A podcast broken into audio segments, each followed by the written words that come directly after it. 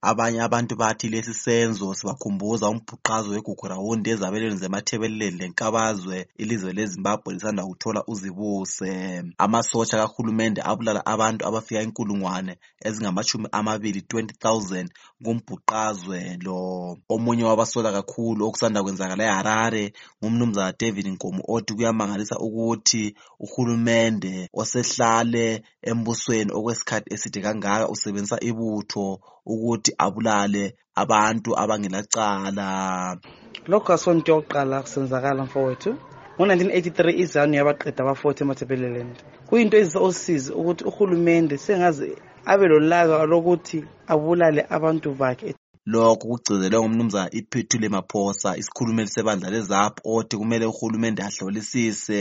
okwehlele abantu abadutshulwa ngamapholisa njalo lokuthi ibutho leli lalingaphansi kukabani. Sithi akube le investigation ma kube le command lapse kutsho ukuthi ucommander in chief is not fit ukuthi ebelokhu ephethe isikhundla leso njengopresident kusho ukuthi sethathelwe amandla ova amasotsha okuyingozi kakhulu ebantwini bezimbabwe umnumzana mnangagwa ufisa ukuthi udaba lolu luphendlwe ngabantu abazimeleyo ukwenzela ukuthi kuvele egcekeni ukuthi ngubani owatshela ibutho ukuthi lingenele emgwaqweni libulale abantu umnumzana kenneth moyo uthi la ngamazwi omuntu nje odinga ukuthakazelelwa nguzulu njengoba ukhanya engani ukhala ngelihlo elilodwa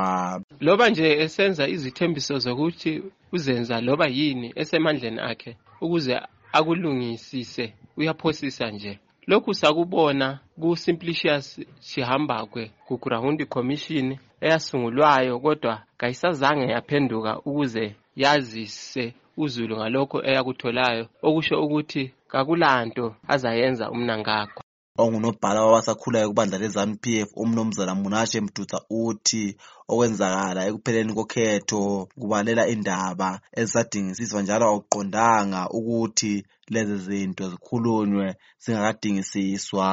Okunengi nje okwenzakalayo especially mhla ka-1 August lokunye nje okunengi yizinto um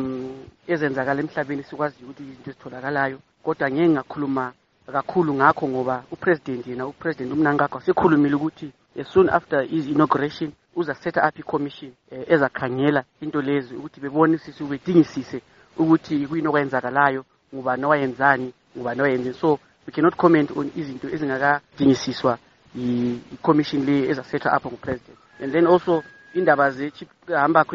icommission we cannot talk about it now upresident asikhulumeni ngakho upresident se-inaugurated amazwi atshiyeneyo athi kuyayangisa okwenzakala eharare lapho ibutho elilokho likhona emphakathini ngimele isitho sevenix harare ngingugibson bebe